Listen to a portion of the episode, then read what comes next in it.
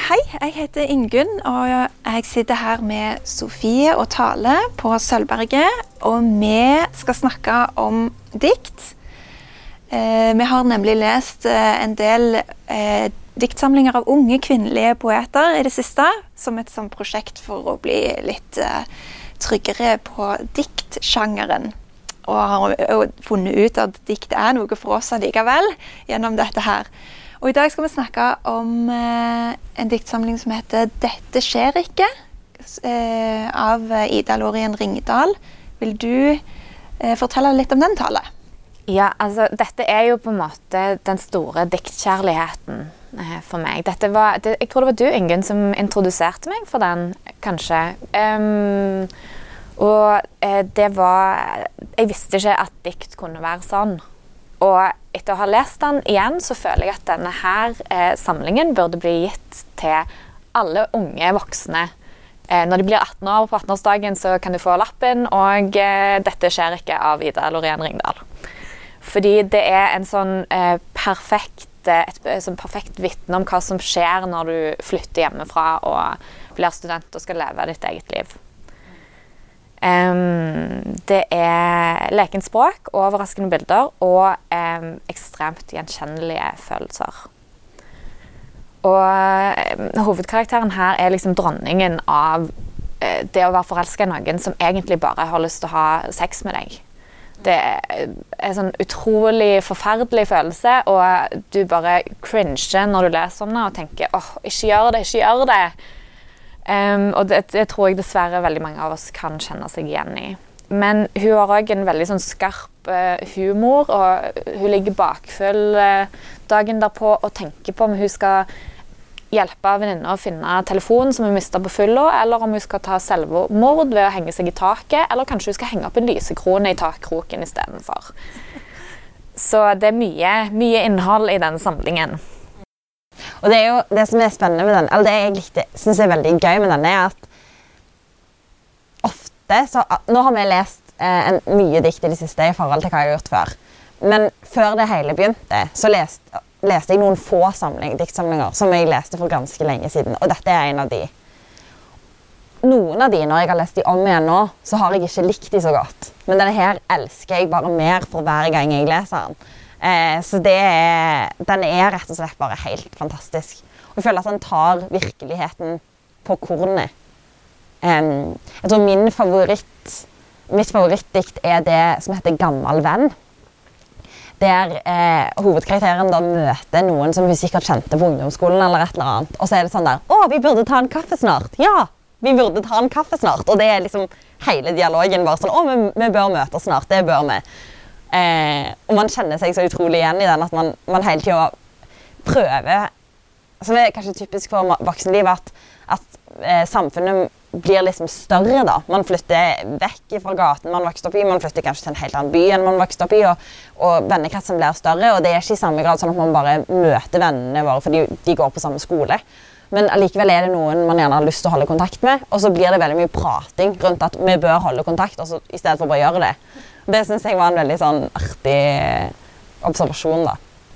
Enig.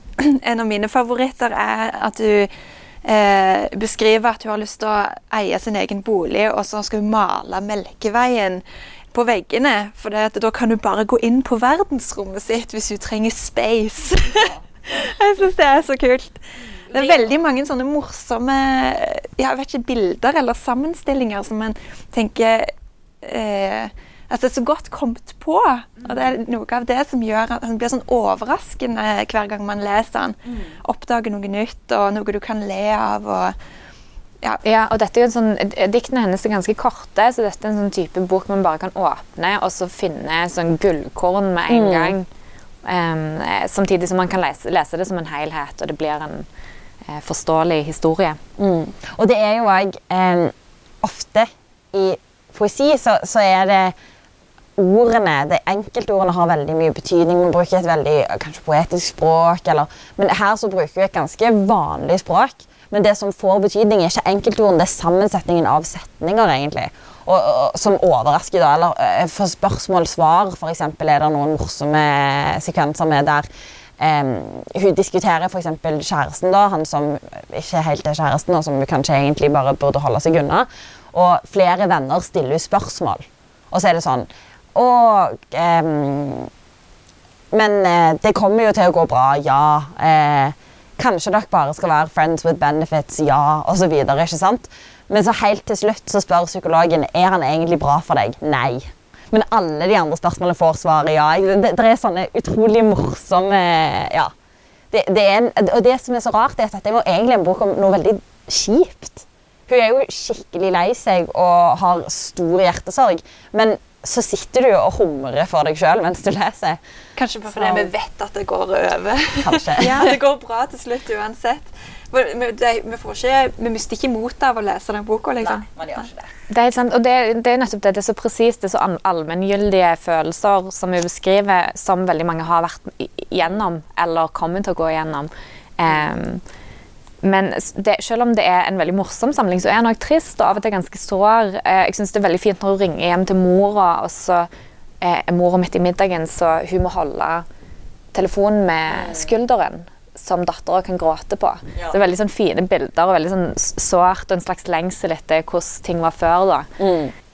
Og den, altså den, eh, når hun ligger og er bakfull, eksempel, det diktet som du snakket om tidligere, det er jo et godt eksempel på at det kan bli, det kan bli ganske mørkt i den diktsamlingen. Altså Hun helt oppriktig vurderer å ta selvmord. Hun driver og tenker på hvordan hun kan få en, eh, en eh, fagarbeider eller noen til å henge opp en krok i taket uten at de blir mistenksomme. Det er jo derfor hun begynner å snakke om den lysekronen. ikke sant? Det, og det er jo en veldig det er jo ikke bare en selvmordstanke som er sånn åh, kan jeg ikke bare dø? Det er en veldig konkret tanke som gjør at du tenker ok, nå, nå skjer det. på en måte. Men det er der jeg føler at du kan lese den på flere måter. Fordi eh, jeg tror veldig mange har hatt den typen tanker i, i fylla eller i bakfylla. Når du liksom har sagt noe dumt til den personen som du skulle imponere, så tenker du bare sånn Å, jeg burde bare dø.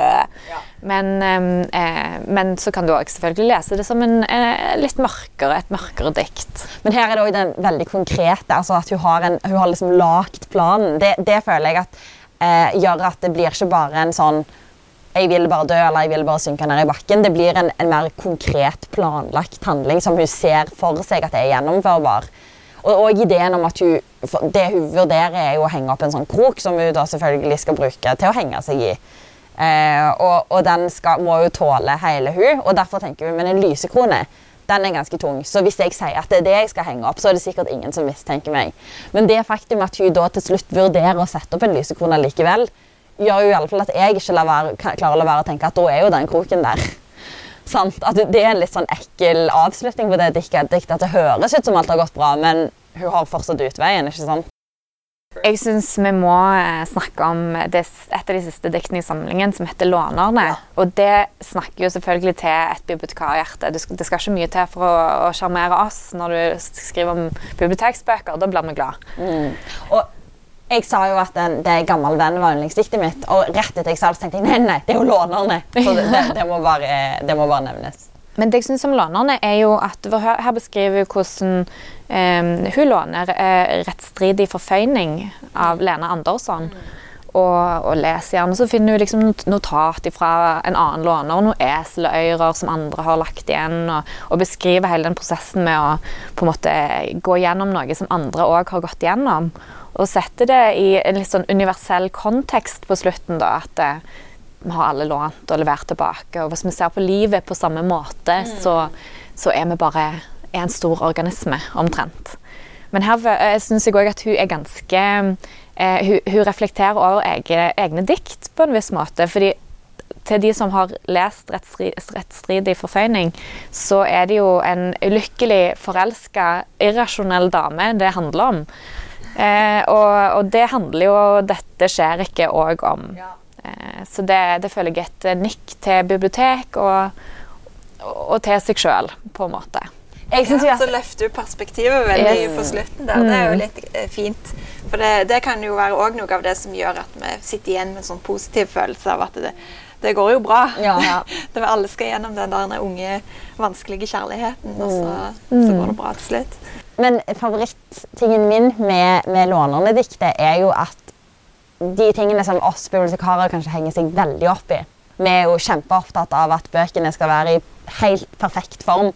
Men det er jo de tingene som gjør at hun elsker å låne bøker på biblioteket. Ja, den eh, sjokoladeflekken eller det eselet Og her var det noen som måtte markere akkurat denne siden, fordi at den traff de, har hun valgt å tolke det som. da. Så hun, hun gjør at disse små eh, feilene, da, som vi kanskje tenker at åh, er denne boka, bør vi kassere denne boka nå? Er den, er, for, er den for slitt? Det blir en kjærlighetserklæring, nesten, eh, for forfatteren, og det syns jeg er veldig fint.